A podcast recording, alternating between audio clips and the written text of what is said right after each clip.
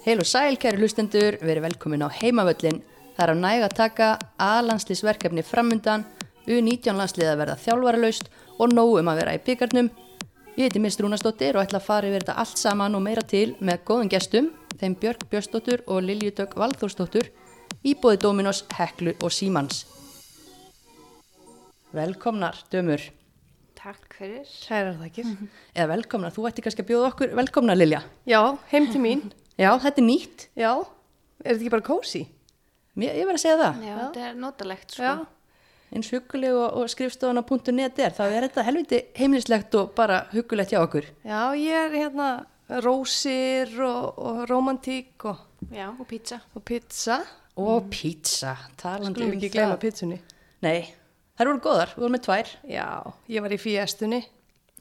Já, nice and cheesy hér.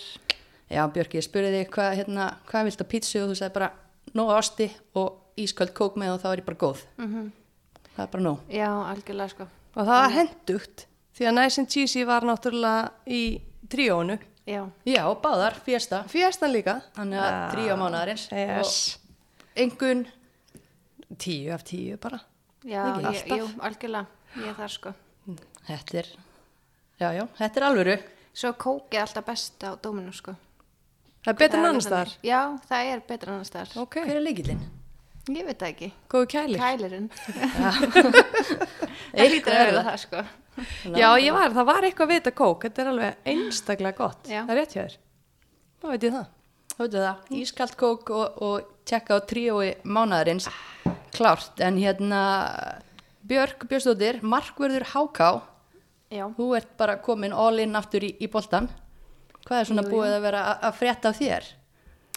Uh, já, bara spilaði síðast, hvað, 2018 og hérna þurfti síðan að taka mér góða pásu þetta höfuð meðslum uh, hendi eitt barn í leiðinni bara Nýta nýta tíman þannig ég var frá í tvö ár og er bara svona ákvað að koma mér uh, aftur á stað, sjá hvað ég langt Já, hvort að hérna höfuð meðslin myndu stoppa mig af eða hvort ég kemist á völlin Mm. og því ég er bara mætt og hvað ertu búin að vera lengi að æfa?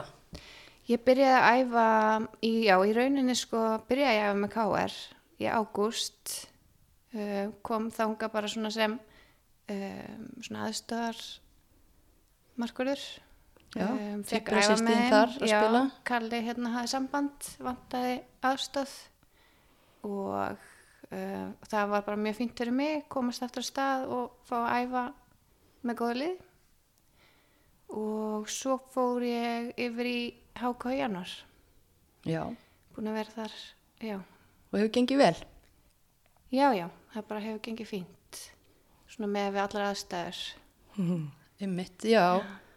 Og þú er náttúrulega búin að vera að þjálfa alveg miljón ár hjá HK, eða ekki, áttundaflokkin jú, áttundaflokk og, og fleira bara svona áttundaflokkin alltaf uh, alveg í hvað 6-7 ár Vá, mm Vel gert. það var auðvelt val að fara þá yfir í HK eða? Já, mér langaði með þetta að prófa að spila fyrir HK. Það var svona, uh, ég er með svona þannig hjarta, sko, HK hjarta. Mm. Eftir að samstæðinu líka lauk, HK Vikings samstæðinu, þá sá ég alltaf fyrir mér að fara í HK. Og þú átt væntilega stúkuna sko, þú ert búin að þjálfa allar litlu stelpunar.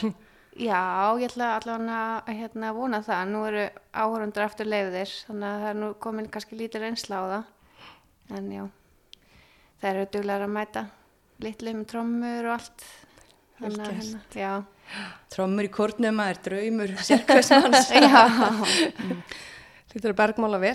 já, Nákvæmlega, en bara geggja á sér komin aftur á stað og, og gaman að sjá þið spila. Ég er búin að sjá þetta gætling, stóðst þið ansi vel. já, takk fyrir það. Þannig að þetta er bara gaman. Þú sást nú þann leik, við sáum hann saman. Já. Ekki sammála? Jú. Gott að sjá kunnilegt andlit á milli, milli stangana. Já, það er klart. Já, en Lilja, eitthvað að frétta síðan síðast? Ég, það er nú eitthvað lítið. Held ég. Já, Ég held ég get ekki sagt neitt rosalega mikið. Ég er alveg bara, nú er ég bara aðeins að reyna að fylgjast með boltanum. já, Ég er ekkert komin en þá að stað. Það eru svona aðstæðunar aðeins erfiðar. Þegar kallin er líki í boltanum og svona, þetta er, reyna að finna tíma. Ég kannski mæta á einhverjar æfingar fljóðlega, við Já. sjáum til. En kallin að gera góða hluti með leikni í Pepsi Max. Já, gengur vel. Gengur vel hjá þeim. Þú er greinilega eitthvað að kenna honum. Já, já, hann hefur lært þetta allt hjá mér auðvitað. Var, varnarleikurinn og allt. Já, alveg, já, já, við förum yfir þetta hverju kvöldi hérna. Já, já, það var samvinna, þannig virkar þetta. já. En hérna, það stýttist í næsta landslýsverkefni, Stelbur, og það er hérna eitthvað sem okkur er búið að hérna, hlakka mikið til. Og eh, við ætlum svona að fara eins yfir landslýshópin og, og verkefnið og gera það bara í bóði Dominos, vist, við erum nú að slafri okkur hérna síðustu sneiðunum. algjörlega. maður held að maður færi heim með afgang það er ekki, það er ekki svo leiðis Héðan og mínu húsi, nei. nei, það er ekki þannig en, en uh, við erum að fara að spila á móti Írlandi uh, tveir heimilegir, 11. og 15. júni stutt í þetta og hérna kostar lítinn 2000 kall á völlin, áhörundur leifiðir eins og þú komst inn á Björg Já, 50% afsláttu fyrir 16 ára yngri ekki bara allir á tix.is og tryggja sér sæti Jú, Já, ég, þetta er bara geggja að sé loksins, loksins hægt að mæta á völlin. Það er hljó, allir hljóti bara, allir að flikjast á völlin, ég trú ekki öru. Trú ekki öðru og stúkan í lögadalum náttúrulega vissulega nóg stór til þess að setja huga sótvarnar reglum. já, Ekkert mál. algjörlega. Þannig að, hérna, já, ég allan er mjög spennt. Já. En þá er bara einmitt spurningin og vist fólk var að velta fyrir sér okkur í tveir leiki við sama lið. Steini, landslýsjálfari, sagði ástæðana bara einfalda, COVID, það er bara bras náttúrulega, Já, já. Já, fara á milli landa og svona, þannig að en við tökum því fagnandi og hvað svona, hvað vitum við um Írland, stelpur? um, hún var lítið sko, en Já. ég spilaði með einni sem er að spila með landsliðinu Íska núna, hún hérna Diane Caldwell, spilaði með henni í, í Noregi, í Avalsnes og hérna, ég er búin að vera svona aðeins að spella við hana Mm. og það er allavega svona það er mi- mikill hugur í þeim að, að, verða gott lið sko. Þær sérst, voru mjög óhefnar að, að missa af sætinu á EM. Já, töpuðu rétt fyrir Úgrænu bara þegar ekki úslitileik 1-0 eða eitthvað. já og, og, og hérna að þeim fannst þá, þá hafa verið að spila nægilega vel en bara úslitin hafa ekki sérst, að, að spilamennskan hafa verið mjög góð en úslitin hafa bara verið óheppileg og hérna þannig að það er mikill hugur í þeim og, og ég ger á fyrir að það er mun alveg sína mark oft sko á múti Íslandi. Þannig að þetta verður þetta verður vonandi hérna spennandi. Já, en ekki óspennandi samt. Nei, við erum ennþá allavega nokkrum sætum fyrir ofan þær á heimslistanum og ætlum náttúrulega að vera það áfram. Uh, en það hefur verið mikið púður sett í hérna, umgjöruna á Írlandi svona síðustu ár og einmitt uh, við spilum síðast við Íra 2017 Já. og það var hérna vorið fyrir EM Já. og þá hérna uh, já, ég fór á þá, þann leik ég get sagt ykkur það var ekkert að marka hann fótballtalega því að það svoleiðis heldi, Já. helli ringdi Ég var einmitt að rifja þetta upp, ég, hérna, ég mani mitt eftir þessu, ég mani varst að taka viðtölu eftir leikin og það, þið voru svolítið að rigna hana niður. það var ekki þurr þráður sko. Hann er um einasta einstaklingi sem kom nálægt þessu velli Nei, þetta kvöld. Og já, leikurinn var náttúrulega, ég, það er reynda fjögur ár síðan en, en svona einmitt, maður man ekkit mikið eftir þessum leik fótballtalega sko, þetta hafi verið eitthvað, ekki mikið augnakonfekt. Nei, þetta var, já, þetta var náttúrulega mjög þungu völlur og svona bara án gríns þegar maður bara eiginlega vorkendi bolta stelpuna sem þurfti að mæta sko nokkru myndum og undan liðin út á völl af því að þegar að liðið kom svo út á völl þá voru þær bara, veist, game over. Það var eins og þau var í hérna, allt og stórum fötum og var allt bara lekið niður og, og svona en hérna en það var hörkuleikur, fór, eitt- eh, fór 0-0 segi ég, það bara var mjög erfitt að skapa eitthvað við þessar aðstæður en veist, það var bara þetta í báðum liðum maður sá það alveg.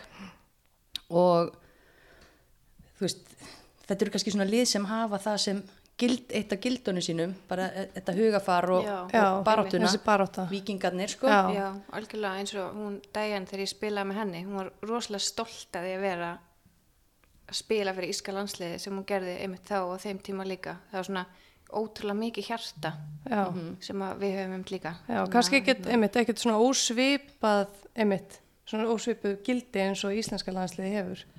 Einmitt, og maður vill bara, þú veist, mér finnst frábært hvað er verið að setja í þetta í Írlandi að vera að þróa svona, einmitt, þú veist, þessi yngri landslýsakademíur og, og annað og, og fleiri klúpar að koma til en, þú veist, Írska deildin er ekki einn sterk og íslenska deildin og við erum Mhm. ennþá tölvert framar en við erum alltaf held ég að fara að fá alvöru leiki Já. og svolítið skemmtilega leiki Já, Það eru nokkuð margar líka sem er að spila sérst annars þegar en í Írlandi núna og, og held ég verði alltaf fleiri og fleiri.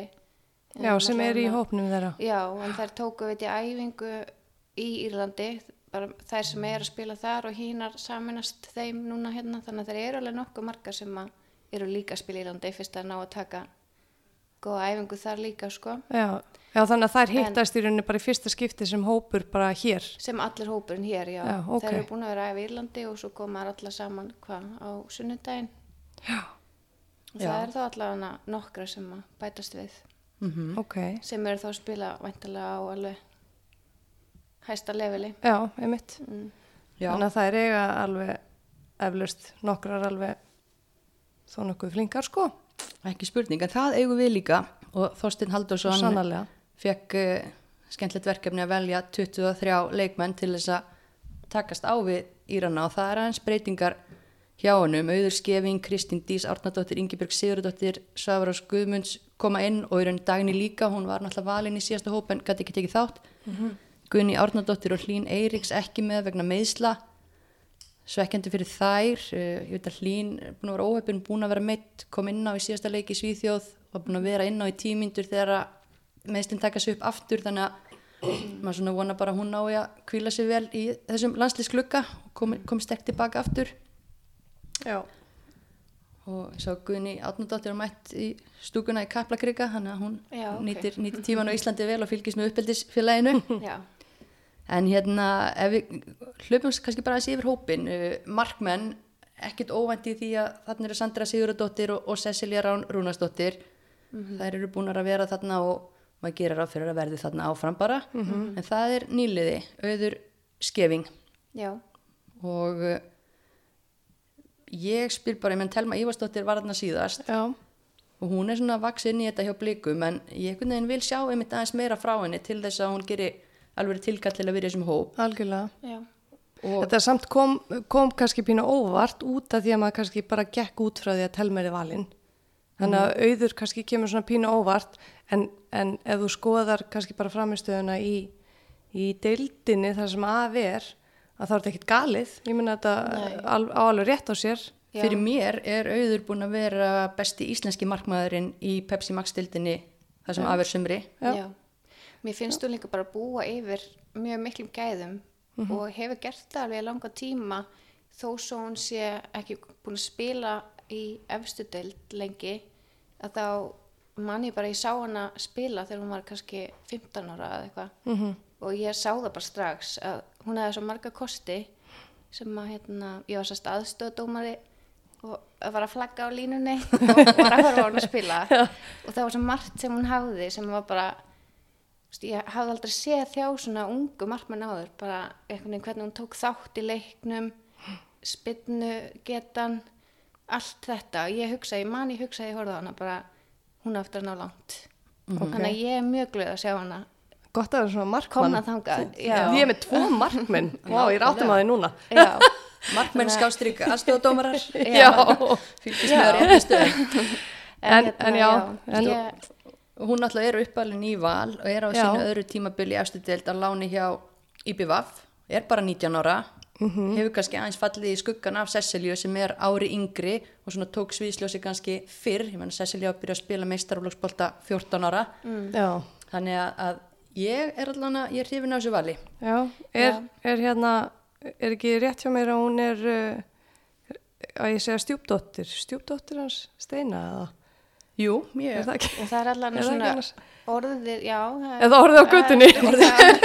já, nei, nei, mam- mamma hennar auðar og, og Steini eru, eru saman, já, Já, það er það ekki, rétt jú. hjá mér, já. það er rétt. Þannig að, já.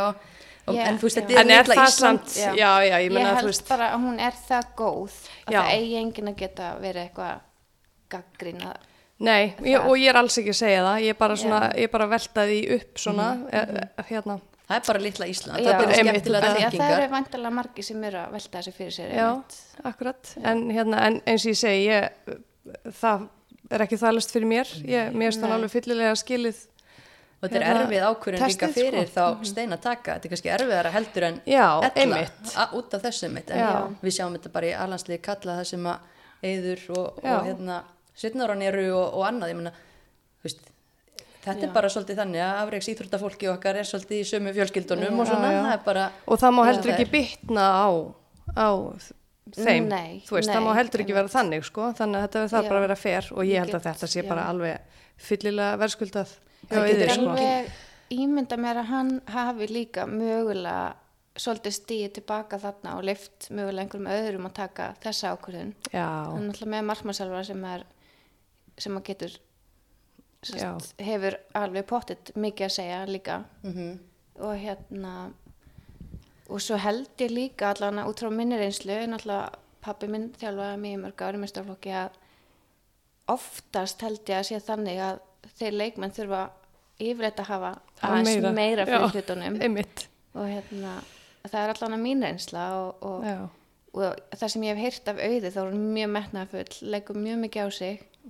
Þannig að ég, ég er allan að bara Ég held bara að enginn sem hafi fylgst með Pepsi Max dildin í sumar geti sagt að geti gagnrýtt þetta val nokkuð skapaðan hlut. Auður er bara búin að spila betur heldur en já, að mínum mandi allir íslenski markmenn í deildinni Mhm.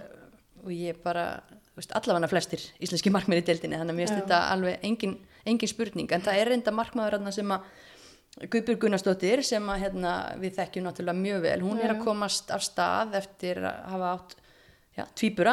Já, byrjuð að spila. Við höfum náttúrulega ekki kannski síðan að spila en maður er að sé svona að þær hafa verið að tapa og það er að vera að tapa svolítið illa. Já, kannski en lúkar ekki ekki, það út að á það vel. skrifist á, á guggu endilega sko, ég er náttúrulega eins og ég segi ekki sé þessa leiki, ég ætla bara að giska að það hafi ekki skrifast á guggu. Auðvitað ekki. En hérna, já en ég held að sé bara, þú veist hún er það nýbyrjuð að spila. Ég held að það sé alveg eðlilegt að hún fái kannski bara örlítið meiri tíma. Já, já. en á hún á að komast aftur að inn? Ég meina, ég sé ekki okkur nætti ekki séns. Ég meina, ef að hún gefur kost á sér, þá finnst mér hún alveg vera, vera valmöguleiki Já, algjörlega. Mér finnst meina- líka þegar við erum að tala um bæði telmu og, og auði, að mér finnst líka svolítið vanta út að þær eru báðar ungar og hérna eiga mörg ár, það mér finnst vanta eitthvað hann á milli. Þú veist, það segjum að Gugga kemur eftir inn og, og uh, Sandra er fyrir og en við erum þarna með samt tvær mjög, mjög efnilegar og góðar. já, Ef það er þú bara ekki fá neitt verkefni á meðan, já, þetta er náttúrulega alltaf við 21 já, Þetta- Já, kemur, við lendum svolítið ofta þeirri oft upp, umræðu já, sko. en mér finnst það mjög mikilvægt að fá eitthvað þannig í millitíðinni. Já, það, hérna, ég er sammála. ég er sammála. Klárulega en hérna ef við höldum áfram, Varnamenn Hafrún Rakel, Elsa Viðarsdóttir Glótis Perla, Ingibjörg Sigurðardóttir komin aftur inn, Guðrún Arnardóttir Kristín Dís nýliði, Hallberg Guðni og svo er Áslu Myndaðana, spurning hvað hann er að velja hana, er Áslu Mynda fyrir að vera varnamaður í þessu liði? Bakverður eða, eða er hún að fara á kantin eins og hún hefur verið að gera með blikum? Mér, eins og þetta er sett upp þarna inn á inn á síðinu á KSI sem finnst það líta út fyrir hans og sé valin sem bakverður já, kannski þetta er svona þannig röðun á þessu. En, en það náttúrulega síðustu leiki sína það náttúrulega glögt að hún getur spilað tölvist fleiri stöður heldur en bara hann að bakverð já, og svo er kannski spurningum mitt hvaða leikir hann er að spá í að spila. Já, svo það líka. Hvernig hann vil nota hana.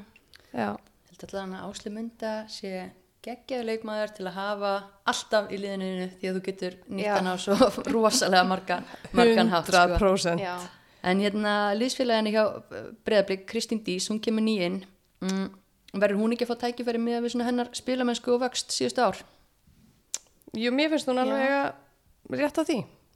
Ég meina, og þetta eru einmitt leikinni til þess að prófa það. Ég, ég vil sjá hann að spila og sjá já, hvernig hún höndlar það. til ég að sjá það líka Já, svo eru náttúrulega með, þú veist, leitóðan okkar aftast, Glótis í Perlu Vikosdóttir maður getur verið að nefna það að þú veist, hún er bara hann áskrifandi að liði vikunar hjá Aftonblaðið sem er sá miðl sem fylgist best með hérna sænska boltanum. Já. Það eru voru að vinna sko 7-1 nei, 7-0 stórsigur á AEK þú veist, lág ekkert þannig laga og glóti sér varnarlega, samt kemst hún í þetta lið. Það er bara því að hún, þú veist sérum það að hún er að lifta liðinu upp, hún er að Já. velja momentin, stíga pressu starta uppspili.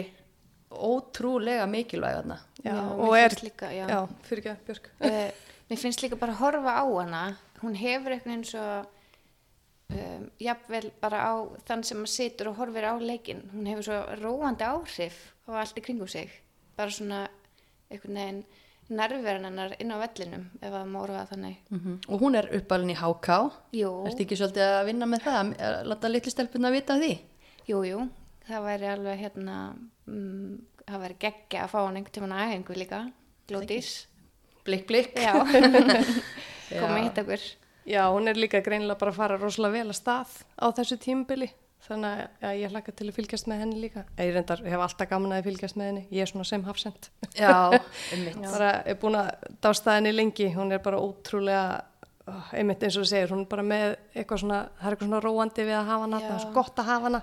Hún er mikið klættur. Einhvern veginn, maður veit einhvern veginn. smitandi hugafar líka Já, og bara leiðtói. Algjörlega. Og, og náttúrulega bara núna þegar Sara Björk er fjárverandi þá er að opnast risa hérna, eh, miklu stærra svið fyrir glótisi að, að hérna láta ljósitt skína. Og hún tók nú fyrirlega bandi þegar Segir far út af í, í síðasta leik og, og hún er náttúrulega bara leiðtói sem að við eigum búið með að spila 91 leik eh, 26 ára á árinu. Já, já, þetta er ekkit grín. Styrlagt það er bara, það er fáranlegt. mm og eitthvað til að byggja kannski liðið okkar bara einmitt í kringum menna það, hún er bara leikil leikmaður. En hérna Steini valdi líka miðmenn og hérna það er Andrea Rán Dagni Brynjars komin inn aftur Gunnildur Issa, Alexandra Jóhans Caritas Tómas, Berglind Rós eh, valin sem miðmaður og Karolína Lea Viljánsdóttir uh, það voru orðróma núna náttúrulega bara síðustu daga og vikur um að það var einhver blikin að fara í atvinnumönsku og það er sérst Andrea Rán, það komið staðfest á það. Houston Dash, Yes. þekkið þið eitthvað til Houston Dash Nei, það ekki ekki mikið, verða við ekki það. En, en hérna, mér finnst það bara ótrúlega flott skrifa fyrir Andriu. Mér finnst Andrea, ég verða eiginlega bara að koma í að, mér finnst Andrea vera svolítið vannmetinn leikmaður. Ég veit hún er, ég veist, auðvitað er að horfa einn, hún er valin í alansliðið og allt það, en hún er með 11 leiki. Þú veist, mér, ég veit það ekki, mér er einhvern veginn, þetta er mín tilfinning. Já, Ég er búin að vera hrifin að henni mjög lengi og finnst hún eiga skili kannski aðeins meiri svona aðtikli heldur hún hefur verið að fá, en kannski er það að koma núna. Já, en þá kemur líka móti kannski, kannski ég kemur það með steina Já, hann þekkir ég hana. veit það ekki það er, já, En þú veist, hún er bara, hún er fætt 96 og var náttúrulega út í bandaríkjunum í skóla og þá Mm. kannski, veist, það á ekki að vera þannig en kannski fer aðeins undir radarinn. Og svo er hún líka miðjumæður sem var að berjast um sæti við Dagný, Sörubjörg og Gunnildi Irsu og þetta Já, já. voru kannski á þeim tíma þeir leikmenn sem hún myndir alltaf setja bara fyrst á blað. Automatist þannig að, að það hún eigi þetta að fá að leiki just, ég er sammála, jú, það mættu vera allan að helmingi fleiri en þetta kannski útskýrir já, já, já, þetta einhver leiti Já. já, vissulega. En það er endur eitt svona sem e- eitt leikmaður sem að mér langar ótrúlega mikið að fái líka sjansinn inn í þetta en, en fekk ekki og ég svo sem veit ekkert hvaða leikmaður þetta dætt út í staðinn. En það er hún mist í val. Já, mér finnst bara hennar hugafar og bara hvernig hún er að koma tilbaka mér finnst það bara geggjað.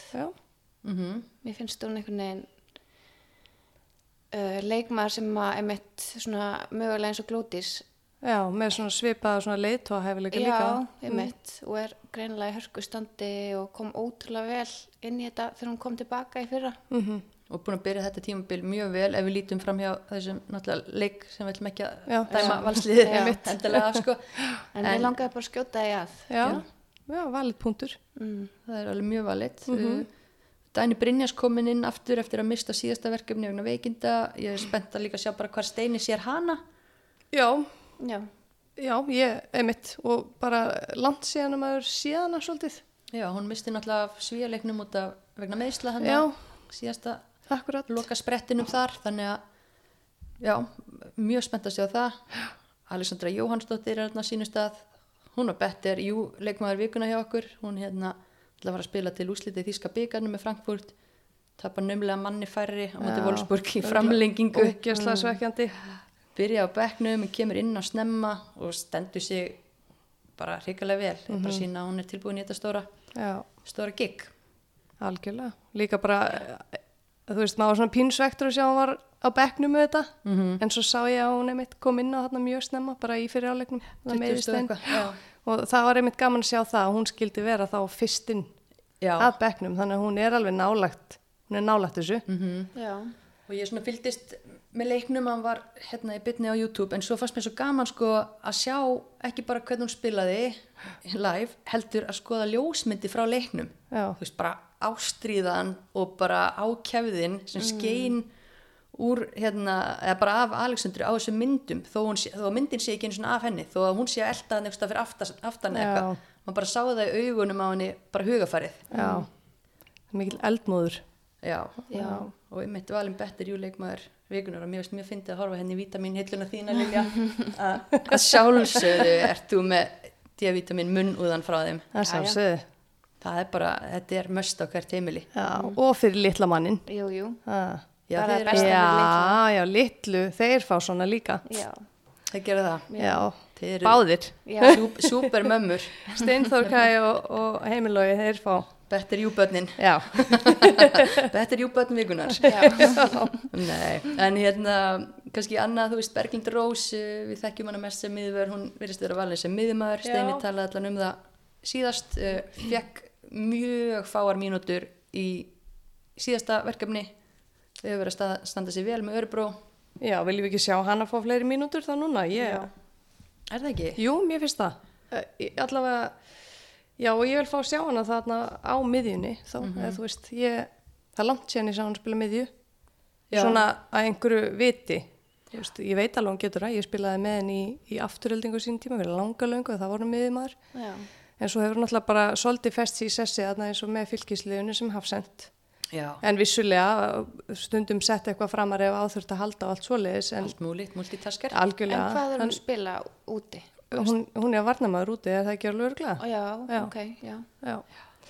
Þannig að, já, þetta er bara En ég menn það er bara spennandi og hérna, við viljum allir fá mínútur Ég er enda mjög- steina vel með Já. þess að 23 ára eitthvað En skiptir sig ég, er enda, þú veist, þetta er svo erfitt sko, því ég er, ég er svo ókvæslega spennt þessu Karitas líka, Já, hún spila kom miðunni. mjög vel inn á Ítalíu og, og kannski tók fleiri mínútur heldur en að maður átti von á fyrirfram.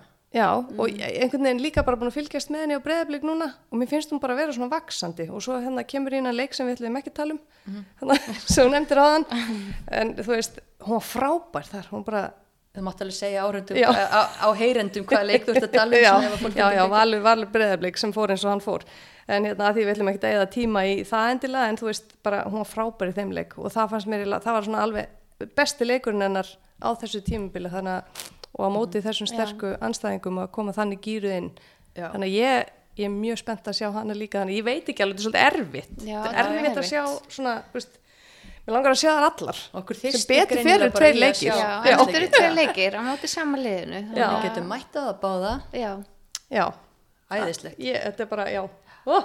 Já, en sóknarmenn, uh, Berglind Björg, Elin Metta, Agla Maria, Sveindís Jane og Svava Rós, uh, ekkert óvænt þar kannski, Sveindís Jane komin aftur á stað eftir meðsli. já. Já, ég fein, þetta, þetta leit út fyrir að alltaf verða kannski aðeins lengri tími, þannig að það er gott að sjá að þetta er, hún er komin á stað. Já, Steini tala náttúrulega um eðlilega, hún er ekki verið að taka 2090 en Nei. bara frábært að hún geti tekið þátt í verkefninu Já. þó hún spil ekki einmitt nema hluta af mínútunum að vera með hópnum og vera í hérna innlögninni hans Steina. Já, ég, já, ef við þá ekki bara að hérna segja að verði líka þá bara spennandi að fylgjast með hinnum, þú veist það er langt séðan við sáum söfu Já, til dæmis. hún þarf svona að fara kannski að rifja upp þessa norsku takta og fara að skora mörg en það er búið að vera svolítið eitthvað meðsla Já, brass það er eitthvað brasa á henni á henni. úti í Fraklandi. þannig að maður veit ekki alveg hvernig staðan er en, en maður er einmitt búin að býða svolítið lengi eftir að fá að sjá hana hún Já. var óöppin hana í var ekki á móti svíum inn í haust Já. þar hún reyf eitthvað í Jú. kálvanum og Já, Bara það er rétt, þannig að að vera svolítið erfitt. fyrir leikin og eitthvað. Mm, þannig að vonandi getur hún fengið að spila hérna fyrir framann okkur lötusvelli Já, já, svo náttúrulega, þú veist, Agla Marja er búin að vera geggjuð í dildinni kannski heitust af þessum senderin öfnum akkurat núna já, já, ja, hún er náttúrulega ekki sender, sóknamanna Já, já, nöfnum, já, já. meina ég já. og meina, hlýtur hún ekki að vinna sér inn fyrir góðu starti Jú, ég, ég hef alveg trú á því sko. En svo er ég líka sjúklega spennt að sjá Elinu. Mm. Því að hérna, Já, ég, ég væri spennt fyrir það að sjá öllu Elinu vinna saman. Elimetta nýbúin að losa stípluna Já. þannig að, að hérna, við höfum engar á að gera henni þannig Nei, og þannig er hún líka einhvern veginn bara í, þú veist, öðrum hóp. Já. Þú veist, ég er ekki að segja, hérna, já, ég bara, þú veist, hún er þarna með landsliðinu og þá er hún bara í einhvern veginn þannig gýr, einhvern veginn finnst manni. Mm -hmm. Búin að vera það í síðustu verkefnum. Þannig Já, algjörlega. að, og það er alltaf svona svolítið baráttan á milli hennar og, og Berglindar um þess að sendera stöðu Já. við erum náttúrulega sko, þeim er náttúrulega ekki búið að ganga vel hérna í, í Le Havre en eh, vel borið fram. Eh, ég veit það ekki. Já, ég tók frönsku, þetta var bara þér. ok, Ég tók frönsku í Drien. uh, ok, nei.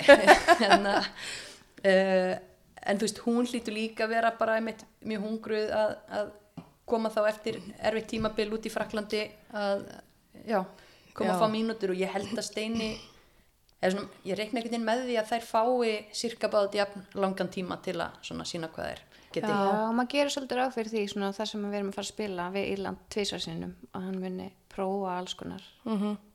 Já, einmitt, þetta verður allan að gegja en, en þú veist, einmitt, hverja vantar, þú nefndi mist aðanbjörg Já, Anna Björk er ekki valinn, Steini sagðist vilja skoða Kristínu Dísi þessum leik. það er svona er hérna Barbara náttúrulega, hún er ekki, Hún er ekki og verið- engin selfisingur. nei, sem að mætti kannski, já, Selfoss á toppi deildarinnar. En er einhver annar selfisingur þarna? Það er náttúrulega Caritas er selfisingur. Eh, nei, hún er ekki selfisingur, hún er rang ár já, vet. passaði nú, þannig að það fara ekki einhver kvarta yfir. Það er hljóð- hljóðtruflanir. Hún er úr hérna, Já. rangar og þingi.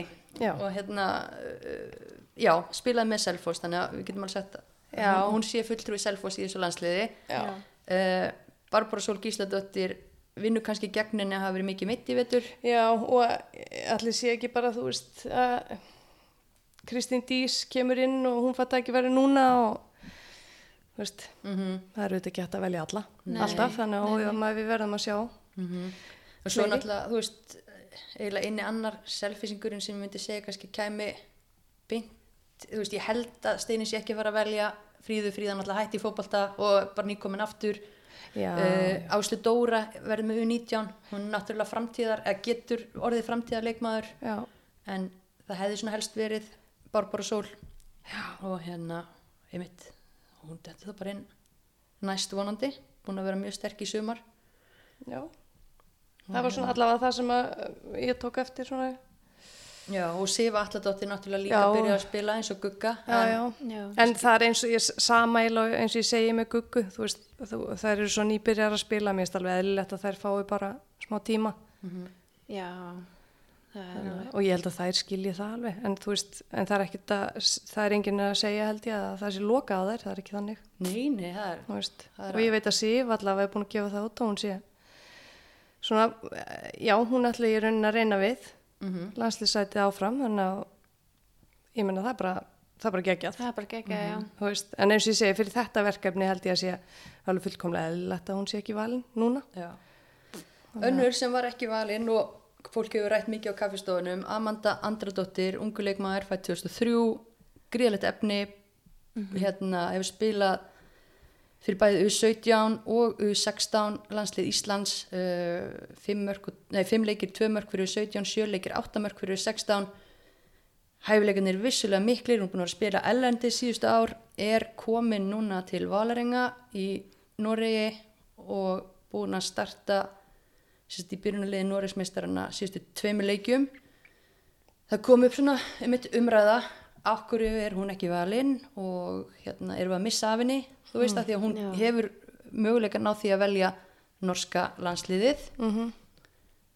er þið búin að Ég, sko, pæla eitthvað í þessu? já, hérna, þú veist, hún er auðvitað bara nýbyrjuð að spila hérna í meistarflokki og, og hvað það eru, tvo leiki með, ef hún er búin að spila einhverju tvo leiki eða ekki, Að- Jú, á tímabilinu núna með volurenga og þú veist, ég menn það kannski ekki hún það kannski aðeins að sanna sig fyrir, finnst mér fyrir alanslið en, en það má kannski taka þá U19 umræðina svona til hliðar. En mér finnst hún allavega ekkit endilega heima í þessum hóp fyrir alansliðsverkefni en svo náttúrulega er hún ekki valin í hérna U19 Nei, en það, það hafði eitthvað að gera með sótkví Já, sko Steini svaraði þessu þannig á blaðmannafundi að, að hérna hann taldi hann ekki tilbúin í alið, aliðið ástæðan fyrir því allavega að hún væri ekki valin í U19 væri svo að U19 liðir ekki bublu. Þær eru bara hérna. Já. og ef hún hefði þurft alltaf í það verkefni þá hann þurft að fara í fymta að sótkví og þetta er náttúrulega bara stuttur hérna landslýskluggi Mhm. og þá hefði hann í raun mist af eh, æfingunum, verkefninu. Já, þú veist, náttúrulega um svekkjandi og svona uh, Já. pyrrandi ástæða. En Já, Já, en svo, svo náttúrulega kemur upp þessi umræða út af því hún er valin í U19 hjá Nóri Já. og þá er einhver sem er að velta fyrir sér þá, veist, erum við að missa henni en ég held að fólk hætti kannski ekkert alveg að fara á taugum, ég menna það er ekki verið að velja hann í alanslið hjá Nóri í æfingópin þar, Nei. það er að velja hann í U19 en hvernig virkar það, sagt, ef hún val, ef hún spila fyrir 19 Noregi, Mhm. þá má hún spila fyrir Alansli Íslands. Já, það er ekki fyrir En spilar hún ekki- alansleik En mætti hún spila U19 leik fyrir Ísland eftir að hafa spilað U19 leik fyrir Noreg? ég er ekki viss Það um það spurning. mjög góð spurning Já, hérna, en, en svo var Steini mitt, svo ég vísi aftur í þetta viðtal uh, hann, hérna, Sæbjörn á, .net spurði hann mitt, þú veist, þetta er ekki í hug kannski bara kippin í þetta verkefni hendin inn á eina mínútu og tryggja Já.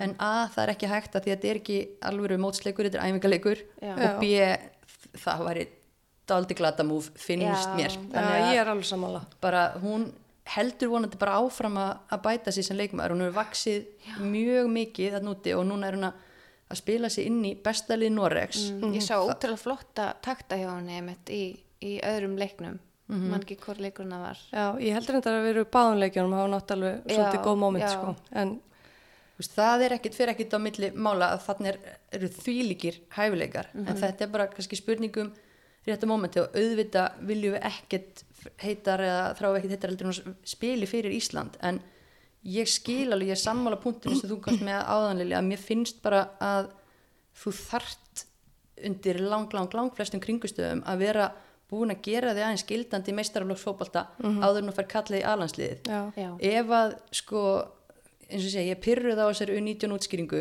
en þetta er eflaust rétti, hún getur heldur ekki farið bara eins langt frí og hún vill, hún er hjá Válerenga já, já, þannig að það er ógeðslega pyrrandi en hérna ef hún hefði ekki verið valin þangað þá þyrftum við að hafa áhyggjur. Já, en mér já. því svolítið að villigautum þegar að veist, fólk er að ræða, já er KSI ekkit að fylgjast með eða ekki að láta hann að sleppa? En hún er búin að spila landsliki Já. fyrir Ísland. Það veit hver Já. einasti maður sem fylgist með yngri landsliðunum okkar og yngri flokkunum okkar Mhm. hver þessi leikmaður er og hva- hvaða hæfileika hún hefur. Þannig að ég- það svo- er ekki málið Nei og svo líka, þú veist, pappina hlýtur nú að vera aðeins líka að reyna að hafa áhrif, sko, ég efast um að hann leifinu bara þegar þú hljóðalust að fara að spila fyrir Noreg, sko.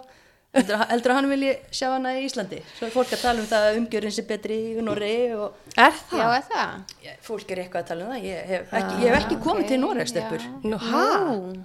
Spáði því Það er bara ótrúlegt. Aðeins á flugvöllin getið rándýran kaffibotla en já. ég er bara Já, það er svolítið dýrt að vera hana. Já, ég, ég veit það ekki, sko. Ég hef reyndar ekki heyrt þetta með umgjörðuna í Noreg, hún sé eitthvað betri heldur en, heldur en hérna. Jón Páll Pálmarsson fótballtaþjálfari, Já. hann er alltaf búin að vera þjálfa át í Nóri hann Já. setti á Twitter að, að hérna, það væri bara mjög eðlilegt ef hún myndi velja Nóri minnum við Já, að því að, ok. að því umgjörðin í kringum ynglansliðin væri það Já, ég hef náttúrulega hef enga reynslu af, af, Af landsliðinu, nei. þar, bara sem sagt, Já, já. að spila hana með félagsliði og, og ég, mér finnst umgerðin þar, ég myndi segja að, að þú ert ekki seld ég, nei. Mér heyrist það ekki. Nei. Nei, en umgjörðin er allan á flotti í Vólarenga og Ingibjörg Sigurðardóttir Já. kom inn einmitt, hefur komið til okkar tvisar heimavöllin og, og sagt okkur frá, frá aðstæðum þar og, og hérna hún er að peppa okkar konu Amöndu til að velja Ísland, hún er, í- er í því verkefni Já, fyrir, já. fyrir þjóðina sko, þannig að Ingibjörg þú heldur áfram að, að sá þínum fræjum og, og svo snýst þetta líka bara um hugafar leikmannsins, þú veist, við höfum bara að spurja Amöndu líka bara hvað liggur þinn hugur, ég meina Já, já. jú, þú elst eh, ég veit ekki, elst hún ekki upp að einhver lit í báðum löndum og þú veist, þetta er bara alls konar tengingar og Ég ætla bara að það viðkjöna, ég þóra ekki að segja hvað er hún uppalinn, sko. hún var náttúrulega að spila hérna, með val í yngri flokkunum heima og viking þar áður og, en já, ég þekki það ekki en Nei. hérna, Var hún ekki svo, hún í Danmörku eða ekki og, nei, var hún ekki í jú, hún Danmörku? spilaði Já. í Danmörku aðeins og er mitt bara, já, komið núna til Volringa í gott lið og góðan stað og, og við bara verðum að fylgjast með og ég meina, ég trú ekki öðru en að Steini fylgist mjög vel með alveg og vonandi heldur hún bara áfram á sér braut og, og hérna Ég held að sé engin spurning, þú veist það er alveg verið að fylgjast með henni, eins og ég segi, ég held kannski að, að fólk sé aðeins að missa sig. Er það ekki? jú, við verum svo fljóta alltaf að æs okkur, við erum bara að vera aðeins róleg og anda með nefinu, það ekki Já, Stundum er gaman samt að hafa smá æsing. Það verður að vera, af því að ef að það hefði orðið æsingur þá væri við ekkert að ræða þetta endilega Nei, núna, en, en þá hefðu heldur ekki fengið skýringuna á því kannski já, hvernig var ekki U19 og það er, það er svo annað. En, en hérna, Já. talandi um U19 það voru fréttir af því ágæta liði núna í vikunni. Þórður Þórðarsson sem er búin að þjála liðið frá 2015 hann er að hætta með liðið. Já, 2015, það er alveg þetta er svolítið, þetta er tími. góðu tími. já, góðu tími, hann ætlar þó ekki að hætta fyrir en uh, í loki júni hann, hann ætlar að vera með hópin hann í æfingarferð á Selfoss 7. til 10. júni þessa ferð sem að hann gæti ekki valið aðmundu í Mhm. 22 leikmenn frá 12 félögum uh, og já, ég meina Þóruður er búin að vinna mjög gott starf þarna með yngri landslinn, hann og Jörundur Áki sem hefur verið mjög 17 kvenna þegar hafa unni svona, mjög vel saman Já, og verið aðstóða þá hvern annan. Dotti að Þóruður með U19 Jöri með U17 og svo hafa þeir mitt stíðin já, aðstóðar þjálfara giggið hjá hverjum öðrum. Já, og bara náð mjög góðum árangri. Ég held að hérna Þóruður hafi náð að stýra þeim í 46 leikjum. Bara nóg að gera. Alltaf leðilegt að þetta síðasta ár náttúrulega Já, fór í skrúuna já, já. og en hérna hann velur þarna hóp eh, leikmenn fættar 2003-2004 mjög efnilegt lið og við ætlum kannski ekki að fara að þylja upp alla, alla leikmenn þar fólk getur skoða þetta á, á ksi.is en við vorum svona aðeins að ræða fyrir þáttinn uh, með sko, það var náttúrulega ekki 19 liði fyrra út af COVID sem er ótrúlega leðilegt fyrir 2002 leikmennina. Já, en við vorum svona að bera saman þú veist, síðasta U19 lið þá erum við með svona einhverjar risa kanonur sem var allir í risa hlutverkum í sínum liðum. Karolina, Lea, Sveindís þú veist, Kalla Maria bara svona Pepsi Max leiðtúar og við vorum aðeins að velta fyrir okkur sko það er kannski ekki alveg þú veist, það er einhverju leikmenn í stóru hlutverkum í sínum liðum en svona heilt yfir kannski ekki alveg eins. Nei. nei, þetta er alveg. Kannski erfiðar að að sjá fyrir sér svona bara þú veist til dæmis bara startið út frá þessum lista. Er kannski svona helstu nöfnin sem að stökk út er kannski Ólef Sigriður núna þegar hún er komin í hérna þrótt og Já, og, en Já. þá líka kemur við við aftur að því að það er svo mikilvægt að þessi stelpur sé að spila. Já, já. Olla var búin að sitja á í hjá Val, en já, bara, já. sem betur fyrir er hún farin að spila annar staðar. Já, svo erum við með, Áslögu Dóru. Hún er líkill í, í Selfoss, alveg klárt. Og kannski svona, já kannski Hildi Gunnur í stjórnunni veist Já, hún samt aðeins verið svona inn og út Já, þetta, er- þetta er svona, þú veist, þetta er ekki alveg svona sami nei, Þetta er svona ekki, já, ekki svona sami fílingur eins og við vorum að tala um þarna eins og þú nefndir fyrir þáttinn þarna. en svo eru náttúrulega með leikmenn þú veist, sem eru stjórnindar í sínu liðum en þær eru þá kannski að spila í neðri deldu við erum með Söru Montoro í fjölinni og Mikaelu Nótt í haugum og þær eru í lengjudeldinni og, e, já, Mikaelu er í lengjudeldinni Sara í annari deld og það er náttúrulega bara augljóslega mjög mikill getur mjög á milli delda en þetta er bara allt góð að ungi leikmenn sanni sér fyrst í næsta efstu deild og svona en Já. þetta er bara svona svolítið áhugavert að velta því fyrir okkur að því að við tölum svolítið mikið um það í fyrra að okkur þætti margir ungir og efnilegir leikmenn sitt á bekknum. Já. já, og margir leikmenn sem er ekki í þessum hóp hefðu kannski átt að gera tilkall í það en hafi ekki verið að spila. Er þetta eitthvað sem við þurfum að pæla meira í að frelsa alla þessu ungu leikmenn sem að sitja pikkfastir á, á þessum bekkjum eða? Þetta já, já, ég, ég allan að sjálf hef oft um, pælt í þessu sko. Veist, hvort, hvort það sé betra að vera í einu af besta liðinu í Pepsi og fá sérst gæðin á æfingunum og, og hérna já, æfa þá um, á herra tempói mögulega og já, af, af öllum líkindum. Eða spila í næri dildum ég myndi sjálf velja mér að spila já, í næri deild og fá þá reynslu vegna þess að það er ótrúlega margt sem þú færð ekki á æfingasvæðinu sem þú færði leik. Nú tala ég náttúrulega sem markmaður. Já, sem er auðvitað líka kannski pínu öðruvísi, þannig að svolítið erfitt markmunum er ekkit oft skipt inn á. Nei, þú veist, þannig að það er kannski aðeins, eða þú veist, auðvitað alltaf áttu kannski meiri séns sem útispilari, þú veist, en, en Já. hérna, fá mínútur hér og þar en, já, já, en svo er líka, þú veist, þetta er náttúrulega, þetta hugsa þetta frá báðum hliðum, sko, þú þarf líka að vera, þú þarf að manna bekkin, þú þarf að vera með bekk, þú veist, þetta er, og ungi leikmenn þurfa augljóslega líka að vera þólimaður og, og vinna fyrir, fyrir sínu já, þetta er já. bara svona Já. en þetta er bara spurningum, sko. já, þú veist, en, en hérna, og, og ég held að sé alveg holdt fyrir leikmenn að að prófa bæði. Já, þú veist, ég held að algjörlega. það sé ekkit þú veist, það er ekkit træðilegt að sitja á bekknum og fá mínútur hér og þar og, og einmitt vera að æfa á hæra tempói og já. Mm. læra af eldri og reyndar leikmönnum og allt það, en líka að pröfa hitt, þú veist, þannig að Já, fara þá kannski meira í svona leiðtól hlutverk. já, eða- en þá er þetta kannski líka bara orðið svona spurningum, þú veist, á hvaða tímapunkti ætlar að gera hvort og þú veist, upp á einmitt svona landslið og svona, þetta er, þetta En nú er maður er bara alltaf að því að þú veist, við höldum alltaf með landsliðin okkar og viljum að landsliðin okkar sé sem best Já. og þá er maður að hugsa um þessa leikmenn sem eru já, ímist þarna en ég er eiginlega meira að hugsa til leikmennina sem að eru ekki þarna Mm. en voru, minn, fannst manni fannst þær nálægt í, í Já. fyrra, Já. hitt í fyrra og af hverju eru þær ekki komnar ennþá nærði já, og þá horfum maður, já, ok ekkert að spila ekki búin að spila nóg kannski en þetta er bara vangaveltur og, og gaman að pæla í þessu Algjörlega. og hérna, maður er ekkert að taka þú veist eitthvað eitt og eitt dæmi eitthvað sérstaklega fyrir, bara svona almennt -hmm. eitthvað til að pæli Já. en, en að samanskapið þú veist þá finnst mér líka bara ofta leikmenn eigi að vera þólumóðari já, já, þetta er eins og ég segi, þetta er bara svona spurningum hvað hendar einhvern veginn á hverjum tíma og Já, holdt að pröfu ímislegt totally, Já. en stelpur hérna aftur af því að Þórður Þórðarsson er að hætta og þá er náttúrulega byrjuð að velta fyrir okkur hver á að taka við þessu. Og mér langar svolítið að heyra frá ykkur hvaða þjálfara svona væru ykkar fyrstu kostir í starfið sem fyrir að losna? Já, og hvor ykkar, hvor ykkar vil byrja? Og hvor ykkar vil setja hérna að taka vibration af símanu það er Lilja, það er Lilja. gæti að vera ég ætla að færa síma minn hérna á annar borð. Ég ætla samt að taka mig líka. Herðu, hérna, sko, ég, ég er búin að pæla þess í þessu. Mm. og það var svona eitt nafn sem að kom fljótlega upp í hugan og það er Edda Garðars. Ég, það er eitthvað Mhm. sem að ég hérna, held að væri spennandi. já, Ég er alveg sammála því.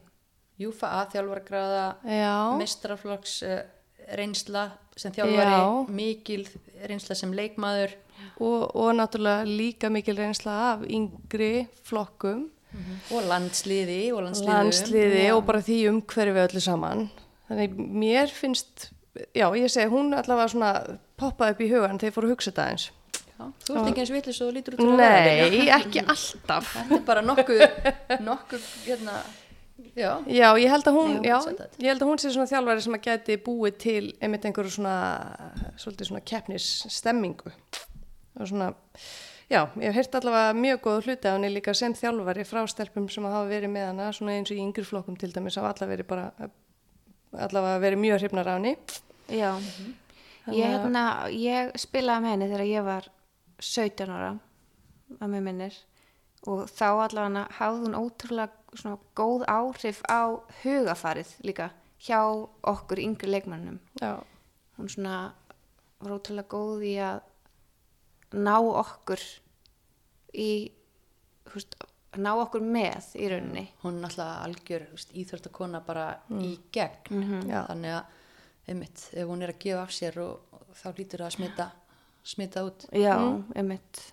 Og hérna, já, ég er alveg sammála, Lilja. já, en, hvað segir þú Björk, er þú með Uh, já, sko ég einmitt um, mér datt fyrst í hug Margrét Lára já, Mhm. þið eru í fyrirverandi hérna landslýstróningunum já. okkar. já, hún er einmitt sama þetta ótrúlega uh, hún er alltaf ótrúlega góð í að, að smita út frá sér hugafar og svo er hún bara ótrúlega klár. Ég hef ekki semst sömu reynslu, ég hef aldrei spilað með henni. Mm. en ég hef bara heyrt ótrúlega margt.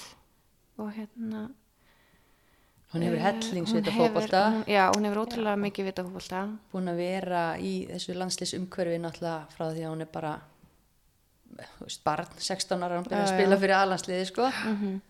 og ymmit, það er engi spurning um, um þekkingan á leiknum en hún ætla ekki kannski verið að þjálfa síðan bara hún var mingri flokka í, í gömlu daga en ég sé ekki tífti fyrirstöðu að sálfræðingurinn og knaspinu sérfræðingurinn Margrét Lára getur verið góð í þetta Svo gæti verið gott að fá hana líka inn sem þá aðstöðþálfara. Já. það er möguleiki Já. Já, hún er líka, þú veist eins og fyrir þessa stelpur sem eru þarna á þessum aldri núna, er hún pottitt líka bara brjáli fyrirmynd. Hún myndi fá virðingu bara. Já, hún þurfti ekki gera neitt sko. einmitt til þess að fá virðingu, það er bara, já, hún myndi bara lappin í klefa og það væri bara, ok, mm yes. klárt þetta er ykkur eitthvað annað í hug Já, hvað var þetta? ég veit ekki hvað. Nú, Þetta sími minn. Björk var svo mikið að forða símanum að borðin að hana, hann dætt í gólfið. já, já, ég að þetta var símin en ekki eitthvað, ekki eitthvað annað ekki Herðu, innbrotsþjófur. já, sko, já, hérna, við myndum kannski bara leita til dæmis til uh, Svíþjóðar. já, hvernig Já. viltu sækja til Svíþjóðar það er nokkri íslendingar þar Hvernig væri að fara í aðstofamann hennar Elisabethar Gunnarsdóttur? Getur við sótt hann? Uh, Björn Sigurbjörnsson Já, væri það eitthvað? það, þú segir nokkuð, þetta er skemmtileg Það er pæling. pæling mm. heldur að hann vilji láta sækja sér til Svíþjóðar Já, hver veit?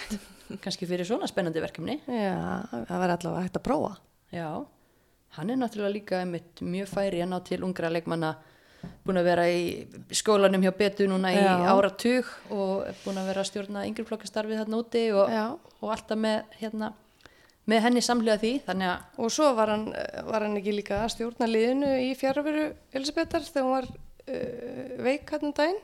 Um daginn, segi ég. um daginn, já, fyrra, fyrra Já, er, ég menna, það er alveg spennandi kostur sem að er kannski ekki beint í umræðina því hann er ekki hérna á Íslandi og, og við höfum stundum erfitt að horfa einhvern veginn langt yfir skamt þannig að, já, ég, ég var alveg til í að, að hérna, að sjá hann.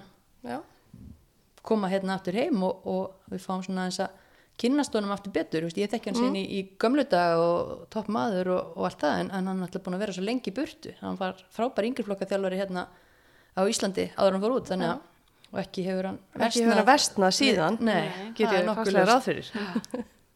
Já, Já. Nei, ég menna, já, og svo tækja hann bara, svo þegar fram í sækir, þá tækja hann bara sif með sér og getur ekki bara tekið þetta saman ég segi það.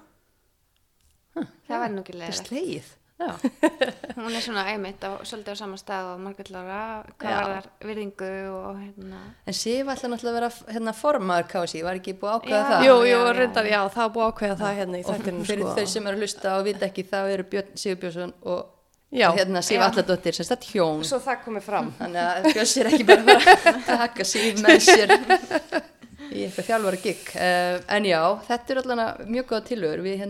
þetta spurum líka einmitt á Instagraminni á heimavellinum Já. og það var það er mjög gaman þegar að fólk tekur svona vel við sér, kom mikið að skemmtilegum tilögum Já. og ekki bara láta vaða svona þessum algengustu Kóttu með það. Já. Ok, uh, Jörundur Áki Sveinsson sem er núverandi þjálfari U17, Kalla Kvenna, Ok. þú veist, það er bara góð Getur hann á sig blómum bætt? Nei, hann geti það nú ekki, en hann geti kannski fært sig eitthvað til, hugsa ég. Já, það væri þá pælingin að myndi færa sum sett. Já, Þá þyrftum við að fara að ræða að þjálfara hjá já. einhverju öðru liði. Já, ég er bara að segja það sem Já. að sko sorry, sundin og það fylgdi ekki raukstuðningur. Það var Nei, bara þó ok. nokkri sem vilja sjá Jöra taka við þessu, en ég bað ekki viðkomandi um, um ok. En hérna, hann er option. Ég skal ekki grípa fram í fyrir hvern einasta sem telur upp þá. Takk. Uh, svo eru þjálfarar sem við þekkjum við hann heimann, Þorallur Víkinsson, fyrir um þjálfari Háka Víkings, Átni Freyr Guðnason, sem er búin að vera þjálfari hjá FH. Uh, Margrét Lára komu upp, Bjössi komu upp, þetta er skemmtilegt. Já, sko. Uh, og hérna er nú kannski ekki að tellja það sem komu upp, Edda kom líka upp, Vanda Sigurgistóttir komu upp, Já, meistari. Já. algjör meistari, Úlfar Hinriksson sem er náttúrulega bara algjör þjálfara Keppa. snillingur, hann. Kempa í fæinu líka, hann er búin að vera mjög lengi að. Algjörlega. Bára Krisbjörg Rúnastóttir sem að þjálfar núna U19 og U17 og Kristanstad, hún kom upp. ok. Já, ég hef heyrt svona margar ungar stelpur sérsagt uh, ræða það að, að þær verður til að fá hana í þetta. Já. Það er peppa hana. Já, þær eru Ok. að fá hana. En síðan kom eitt nafn sem að ég er mjög pepp fyrir. Ég er, þú veist, ekki það mjög þetta allt frábæri kostir, en Alfred Elias uh. Af því að Já. Mér finnst hann, hann er mjög skiplaður hann er mjög góður að kenna taktík mjög svona drífandi típa Já. ég held alveg að hann geti verið flottur í einhverju, einhverju svona þetta er þess að þessi sem ég var að telja upp þetta er það sem að eh, svona var algeng, algengustu svör á heimavellinum en við fengum alls konar. Reyndar engin okkar fekk uh, tilnefningu. Ótrúlegt. frekar leðilegt Siggi, þjálfari leiknis, fekk ekki tilnefningu. Þetta er, ég vil ekki sjá hann í þetta. Já, hérna en uh, svona er þetta. En áframgak hérna, við erum búin að taka okkur góðan tíma til að, að- fara yfir landslýsmálin og, og hérna já Þóruður verður út í júni með liði þannig að það er þá allavega ekki mikið meiri mánuður þá til við vitum hver tekur við 19 og, og stutti að við mætum á, á alansleikina en hérna við ætlum nú að kíkja aðeins yfir byggarinn, ekki í neinum detail heldur bara að því að það var verið að klára að spila 16 liðúslitin mm Mhm. -hmm. og þess að búið að draga í áttaliða þannig að tökum svona örstutta byggaryfirferð í bóði Símans og er náttúrulega bara að fara að styttast í mót ársins, Síma mótið Já. já, nú er það bara vikur en ekki mánuðir og þú ert vantilega Björk að fara í þúsundasta skipti á það, Heyrðu, eða? já, reyndar er ég bara með áttunduflokkin já. en við höfum oft verið með gestalið Mm. sem er geggjað þannig að jú, jú, ég býst svo sem alveg við því að vera og ef ég verð ekki með lið þá verði ég alveg klálega á svæðinu að fylgjast með og allavega hana einn eða tvo daga sko. Algjörlega, ég vona bara öll yngreflokkaliðin á landinu séu búin að græja sína skráningu svo enginn þurfa að sitja hjá, missa enginn á þessu fjöri. mm Hmm.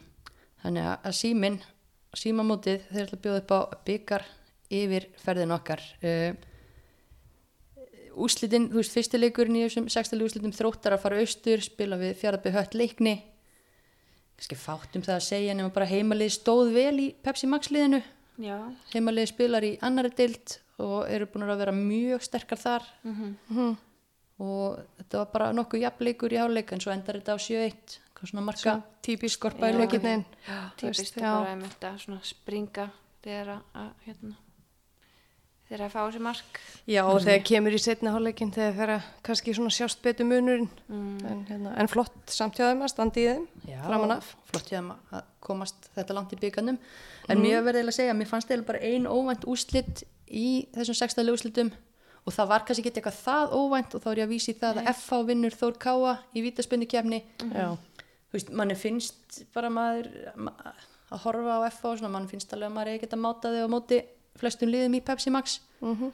og bara frábær framistæði á þeim bara mikil svona kraftur og mikil þór þær voru ekkit að hérna uh, hvað segja, miklaði fyrir sér að það væri að spila á móti lið sem væri að spila deildofar spilu bara sinn bolta, pressuð á þær. Og þú veist. FH þetta voru að spila bara í sömu deildi í fyrra, þú veist, ég held að emitt, Já, og á sama tíma núna að verandi að spila móti liði í, í deild fyrir ofan pressu, algjörlega pressulöysar Mhm. já, sem er líka mjög þægilegt. Já, já, það er svolítið pressa á þær í, í deildinni. Já, þannig að kannski bara fínt að fara í byggarinn og, og vera litla liðið eða þú veist, ef svo má segja. En hérna uh, Akureyringar gera sjö breytingar á milli leikja. Andri Hjörvar vildi nú meina að ég viðtalið að það hef ekki verið vannmatt og ég trú honum alveg, þú veist, ég held bara að hann hafi viljað frísku upp á þetta. Hann er með, þú veist, það voru góði leikmenn sem kom hann inn.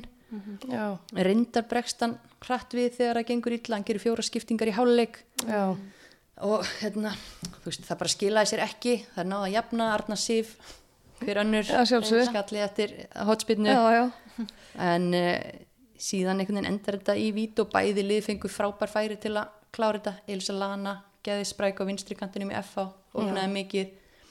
Uh, en mér langar mest að tala um Kjellin Talbert sko, markinu hjá FH hafið þið séðan eitthvað? Já, ég sá eitt leik, já, við sáum náttúrulega, sáum hana saman á hvað första skuldið já, Þegar FH káar, móti káar Já, það var allt annað bragur á F-liðinu mitt í Heldur þeim en í leik, þeim leik, og, og hérna, það er töpuð 2-0 fyrir K.R. í, í deild og K.R. bara betra liðið þeim leik Já. og svo taka þær Þór K.A. hann í, í Vító. En mér veist Caitlin Talbert góð sko, hún spila mér framalega mm -hmm. því er algjör töffari, já, F-liðið fer hátt náttúrulega og pressar og, og hún er að svípa allt upp og þú veist, hún var að lesa eins og hlaupinni á Marju Katarínu sem er sko ógeðislega fljót og hérna var að komast á undan henni í, í stungubolta og annað. Og veist, maður á eftir að sjá hann aðeins betur eins og díla við fyrirgjafir og, og fá leikmenn einn og einn á sig. En eh, svona hann góður svona hvað sem það er, skotstoppari og, og bara passa mjög vel inn í leikskipulaði hjá FH finnst manni. Já, hún virðist vera, ég hef ekki séð hana mikið en hún virðist vera svona mjög góð standi og svona,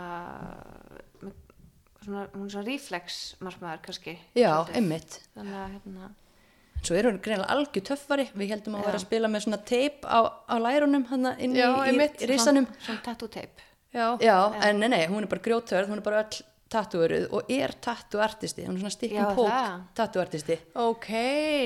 Þannig að ég var að pæla Fun sko, einmitt, hvort en ég ætti ekki að beða hann um að henda heimavallalókaðun á okkur huldu eða eitthvað, er það ekki svona Ég- ég styð það, grænt, það. grænt stikkun pók átt, það er eiginlega mjög vant já, sko með þetta. Gefur huldu kannski ammæliskjöf það er ekki inni hjá Kirlin Talbert, en það er allan markmaður sem ég ætla að fylgjast svolítið með, já. góð típa sko. En hérna uh, áfram í smjöri F á, já, bara áfram eftir verskuldaðan sigur. Uh, svo er ég ánað með Pétur Pétursson stelpur, já, hann stillir bara upp sínu sterkasta leiði í útileikum átti annar til þetta liði völsungs já, Já, hann, já, bara flott eftir leikinn þar á undan, held ég að það hefur bara verið þörf á því. er það ekki? Jú, Já, ég held já. það. bara hrista þetta lið sitt aðeins betur saman Já, ég held það. og Og Fandi spilaði, já, 90, 90 mínútur já, mætti með litlu músina sína, fjögra mánada og spilaði 90 mínútur og setti mark. Það er heldur vel gert. Gaf hann henni þá bara í hálfleik. Ég veit það ekki, bara allavega eftirleik. búbi í Já, allavega eftirleik.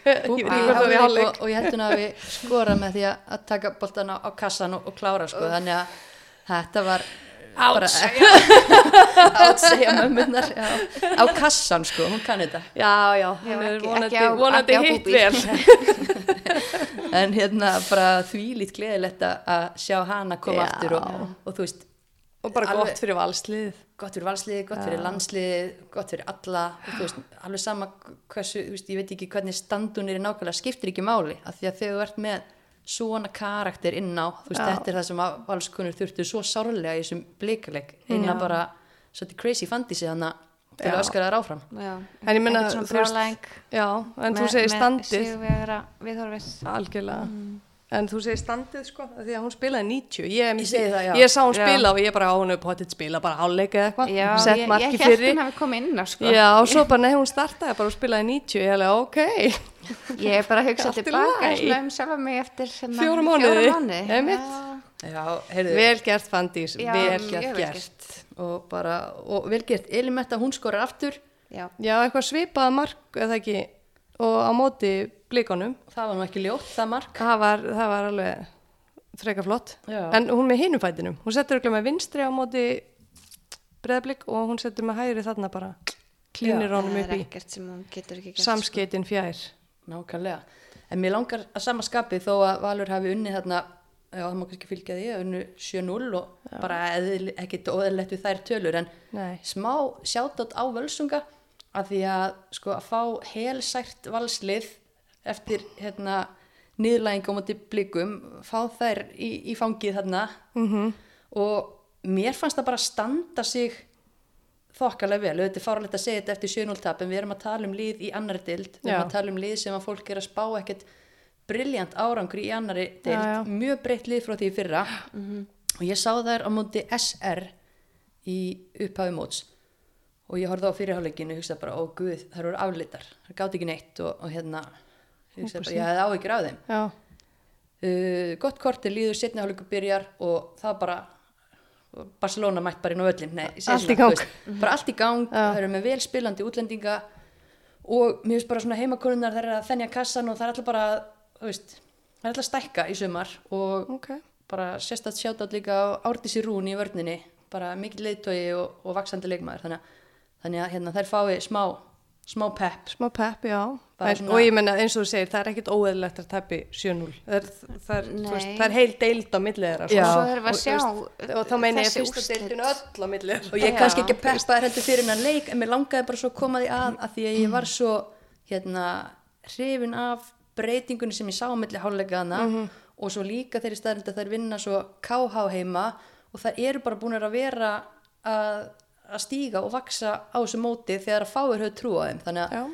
það var svona bara tækifæri hann til að koma því að. En við skulum halda áfram og hérna uh, stjarnan IBVF hörkuleikur IBVF vinnur 2-1 DB og Viktoria get ekki hægt að skora. Nei, nei. sama en óvæntast kannski þar það var hérna nýtt, nýtt gamalt andlit í, Nýtt gamalt andlit. í, í, komin í miðvörun hjá stjörninni Já, bara málfríður erna mætt. mm -hmm. Í öllu sínu veldi. hvaðan dúkkaði hún eða upp Ég held hún að bara verið búin að mæta á eina æfingu og bara sett í byrjunlið og spila í 90.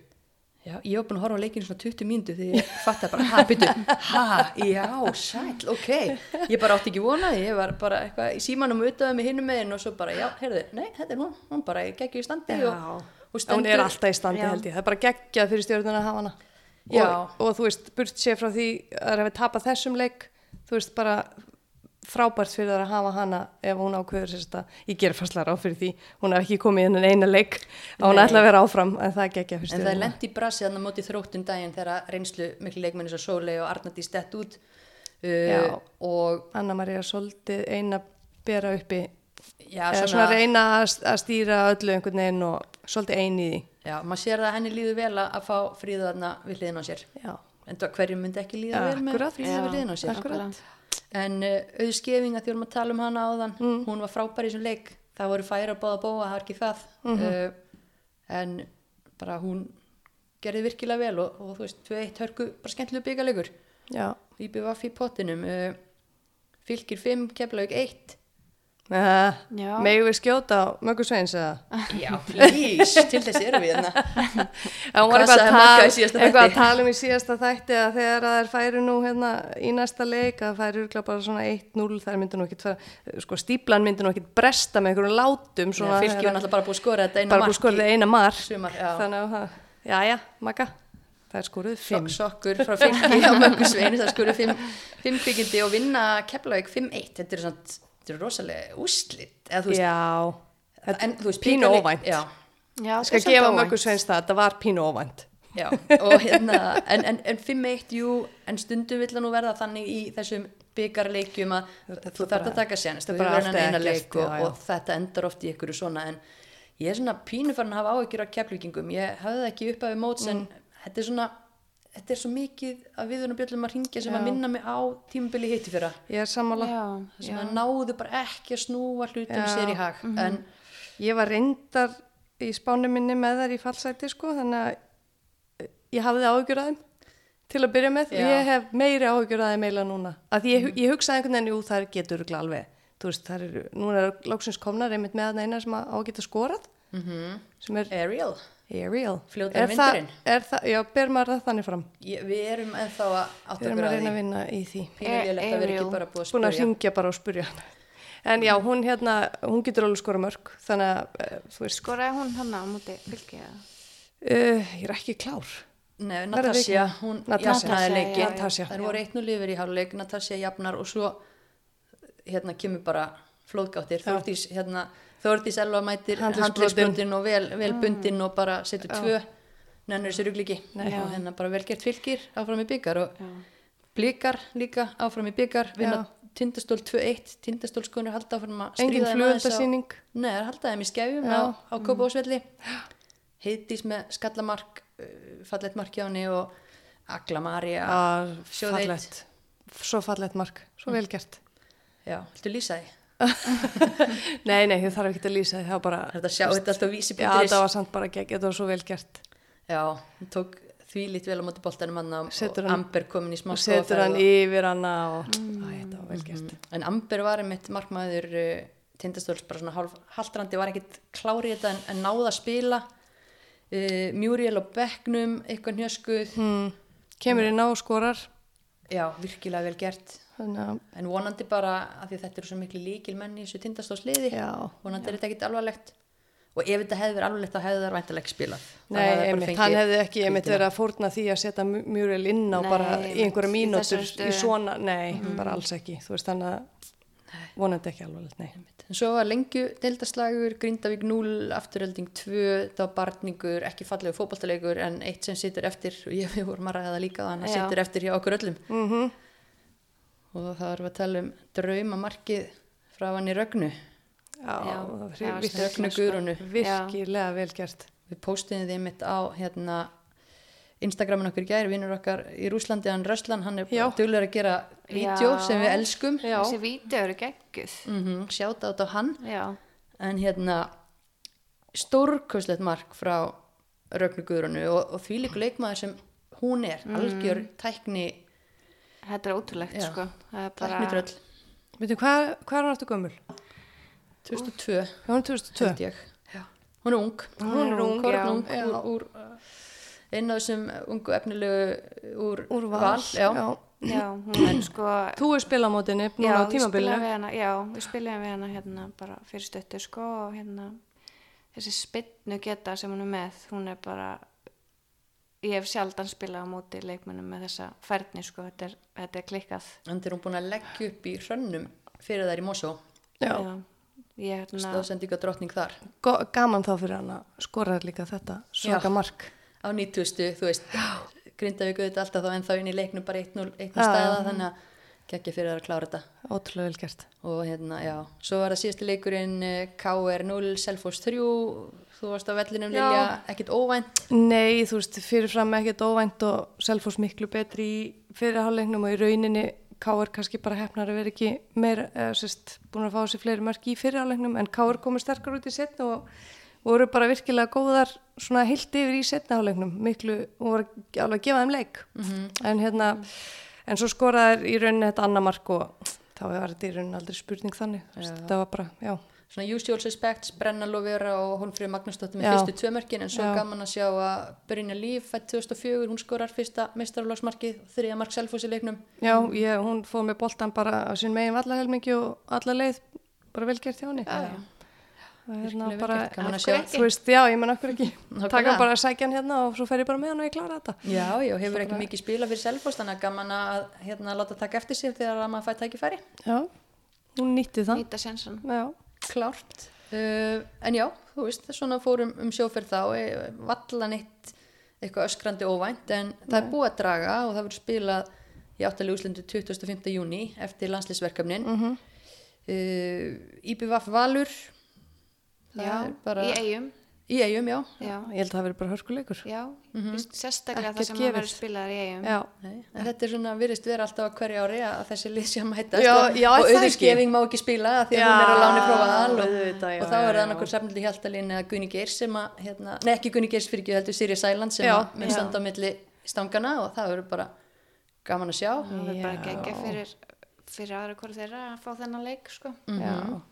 en svo er það fylgir FA og, og það hafa nú verið skemmtilegi leikir þessara liða í gennum tíðina Mhm.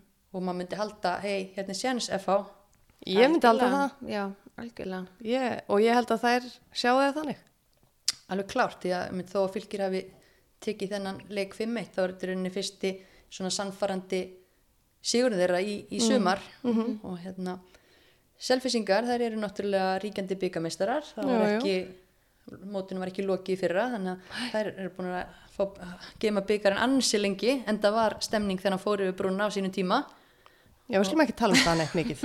Nei, Nei, ég ekki stefnir. já, þú spilaðir þann leik Ég spilaði, já, ég spilaði reyndar aðeins of stutt. þú veist höfuhögg Já, eða ekki Jú. bara, já, ég er miðan fyrir áleik. Alltaf snemma. Já, þrótt, eh, nei, þróttur, Selfoss K er sem sagt byggjurústöðuleikurinn sem Já, já, já, en hérna, jú, það var mikil stemmi hjá þeim, Já, en þú, meir en hjá okkur. Já, já, já, en, en En þær eru- fóð þróttaran í heimsókn og, og þær unnu þróttara á útivelli fjögur þrjú daginn. Já, í hörku, hörku leik, þannig að þú veist, Tvölið sem að vilja sækja. já, ég held að þetta verði bara skemmtileg leikur. Mm Og afturölding, hitt lengjuliði sem er í pottinum, þær fá verðut verkefni, fá að hérna, fara á kópa og söll að taka á móti, eða nei, mæta í heimsókn til blíka. Mm. Já. ekki auðveldasta verkefni en ef þú ætlar að búa til stemningu og, og hérna fá að máta þig við topplið þá færði ekki betri sens á því Nei, nákvæmlega. Ég er mjög spennt, er mjög spennt að sjá sko hvernig þær í afturleikum muni leggja hann að leika upp. Hva, hvernig það er alltaf að spila. Já, Hvort það er kannski bara taki og allir bara að keira á þar. Já. Ég var alveg til að sjá það. já, sjá hvað Ragnar Guðrún gerir á móti hérna Já. landslískonunni Kristín Dís og svona þannig að það verður já já, bara gaman að þessu öllu saman og þetta er 25. júni ef allt að, að óskum hmm. Við slúum vona það. Jöp. Já, já, já, ég er bara, Ég veit ekki, akkur, akkur ætti ekki að fara. ég er bara eitthvað, ég veit ekki, mér finnst allir eitthvað svona, allt sem maður ákveður og pælir í er eitthvað ennþá, Já, ég veit. veist, síðustu metratni. Já, já. Nei, nei, tekið þetta tilbaka, ég nenni samt ekki að klippið út, þannig að þetta færa, færa hangaðan inni. Já, já. En hérna við um eitt eftir stúlkur áður en að við köllum þetta gott hérna úr Garðabænum Já, já.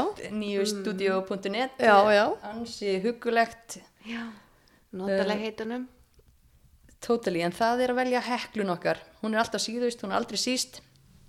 Og við erum að velja konu sem er að skara fram úr utanvallar og það gerum við í bóðu okkar eftirlæti spíla umbóðs uh, og já maður vil sína bíla væna og græna og þar skarar hekla fram úr mæli með því að fólk kynni sér úrval þeirra vistvænum bílum þetta fá mjög góður upplýsingar á vefsíðinu um svona mismunandi gerðir vistvæna valkosta hendar rafbíl, metanbíl eða plug-in hybrid þér best til dæmis Lili, ertu búin að kynna þetta?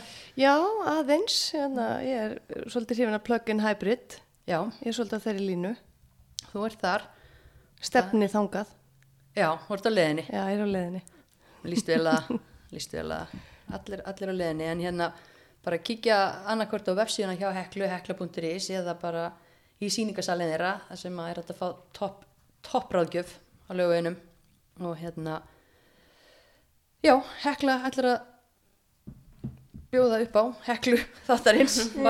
Mm. og uh, við vorum ekki lengi að koma okkur saman um hana. Þetta er kona sem að hefur gefið knaspunninni mjög mikið heldur áfram að gefa af sér eftir ferilinn búin að vera lengi á blaði hjá okkur en það komi tími til að uh, já, he heiðra hana Já. og uh, hvor ykkar vill ofinbera hver hekla þáttarins er Já, ég skal gera þetta með glöðugeði. Það hérna er hún Ólína Viðarsdóttir. Jassó, Já. landslýs drottning 70 alansleikir, 2 mörg 186 leikir og 48 mörg á Íslandi spilaði líka með Chelsea, þetta er Svíþjóð Já. Já. alvöru Hún er bara drottning. Yes. og þið hafið báð að spila með henni eða hvað Já, já, já, já. Já. Algjörlega, hún er grjótörð. Ég var, já, ég var þessast kjúli þegar ég spilaði með henni. Það var ekkert kæftað í búið, sko. Já, við erum enda jafn gamlar, en það er samt alveg sá. Hún er, þú, veist, þú kemst ekki upp með neitt múður með ólínu. Nei, alvöru liðsfélagi Alvöru, já. Já. hafið spilað á mótinni kannski líka eða? Já, Já, allir það ekki. það er mun verra. Já. það vill eftir vera þannig með þessa bestu liðsfélaga getur óþólandi að mæta þeim Já, en það var alveg ekki að spila með henni. Hún skilur allt eftir Já. alltaf. og óumdeginlegt að hún var frábær í fótbolta en hérna af hverju er að velja hana sem heklu Herðu, já, hérna í fyrsta lagi að þá er hún búin að vera að gera frábæra hluti bara uh, síðan hún hætti fótbolta.